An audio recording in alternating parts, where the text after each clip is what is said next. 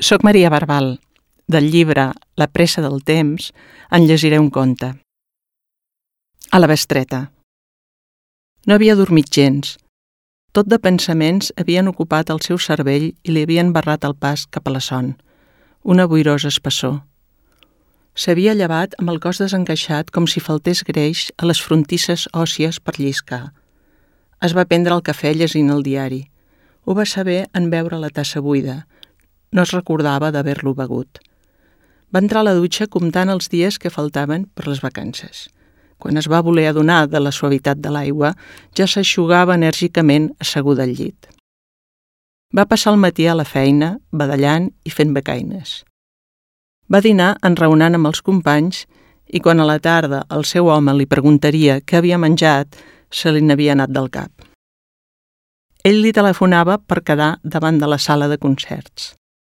Ella va fer el trajecte de metro escoltant música amb auriculars. El rètol amb el nom de l'estació va activar la seva sortida del vagó l'instant abans de tancar-se les portes. El trajecte li havia volat.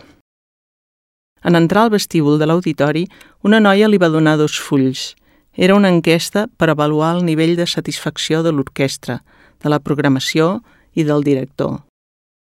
Els músics afinaven els instruments enraonant entre si. Alguns somreien i ella parlava amb el seu marit. Quan va entrar el director, es va treure l'abric i va apagar el mòbil. Mentre es feia silenci, va fer una ullada al programa. El concert de violí número 3 de Beethoven. Va engegar el primer moviment traient ella el bolígraf de la bossa de mà. Compàs a compàs llegia l'enquesta i marcava creus. A la sala, un solo de silenci donava el protagonisme a la música. En tombar el full, una senyora de la filera del davant se li va girar amb mirada reprovatòria. El paper havia cruixit. Llavors, ella va ullar l'escenari i va fixar-se en el solista. Tenia un cap rodó i petit. Era guapo, però no li va semblar atractiu.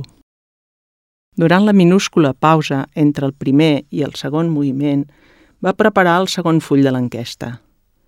Quan la música va continuar, ella es va posar a marcar caselles. El tercer i quart moviment se'ls va passar observant la sala per veure si els amics eren els seus seients d'abonats.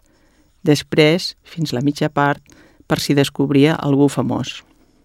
Durant els aplaudiments, va fer alçar persones assegudes més a prop del passadís per sortir.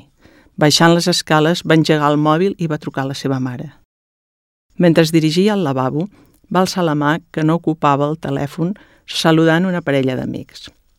Quan va recuperar la distància que la separava d'ells, s'hi havien afegit el seu marit i una altra parella acabada d'arribar del Vietnam.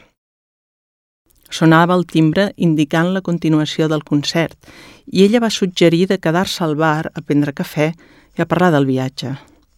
Ells van respondre que havien anat a l'auditori justament per escoltar la meditació de Taís de Gilles Massenet, però en acabat podien sopar junts. Tots hi van estar d'acord. La filera va alçar-se de nou per deixar-la passar. Els músics iniciaven la peça i ella va desconnectar el mòbil, va treure's l'abric, va agafar la mà del seu marit i, pensant en els resultats de l'analítica que esperaven, va tancar els ulls. Al cap de poc s'havia absentat. L'esclat d'aplaudiments va tornar-la a la sala. Havia somniat. Què havia somniat? El clamor li esborrava el somni. El breu descans havia suplantat la consciència de la música. Durant el sopar no va poder estar atenta a l'explicació del viatge al Vietnam. S'havia assegut de cara al televisor i feien un episodi d'una sèrie que li agradava. Quan menjava els calamarsos farcits, es va fixar que el seu marit tenia una expressió de preocupació a la cara. Va fer per retirar-se aviat, però així tot van arribar a casa a la una. Mentre ella es passava la crema hidratant per la cara, el seu home va engegar el televisor. Va escollir una pel·lícula interessant. Llavors ella es va reulir al seu costat disposada a mirar-la. Al cap de pocs minuts, dormia. Quan ell va acompanyar-la al dormitori per ajudar-la a posar-se al llit, tot de pensaments, la feina, la mare, l'analítica, les vacances, van desvetllar-la del tot.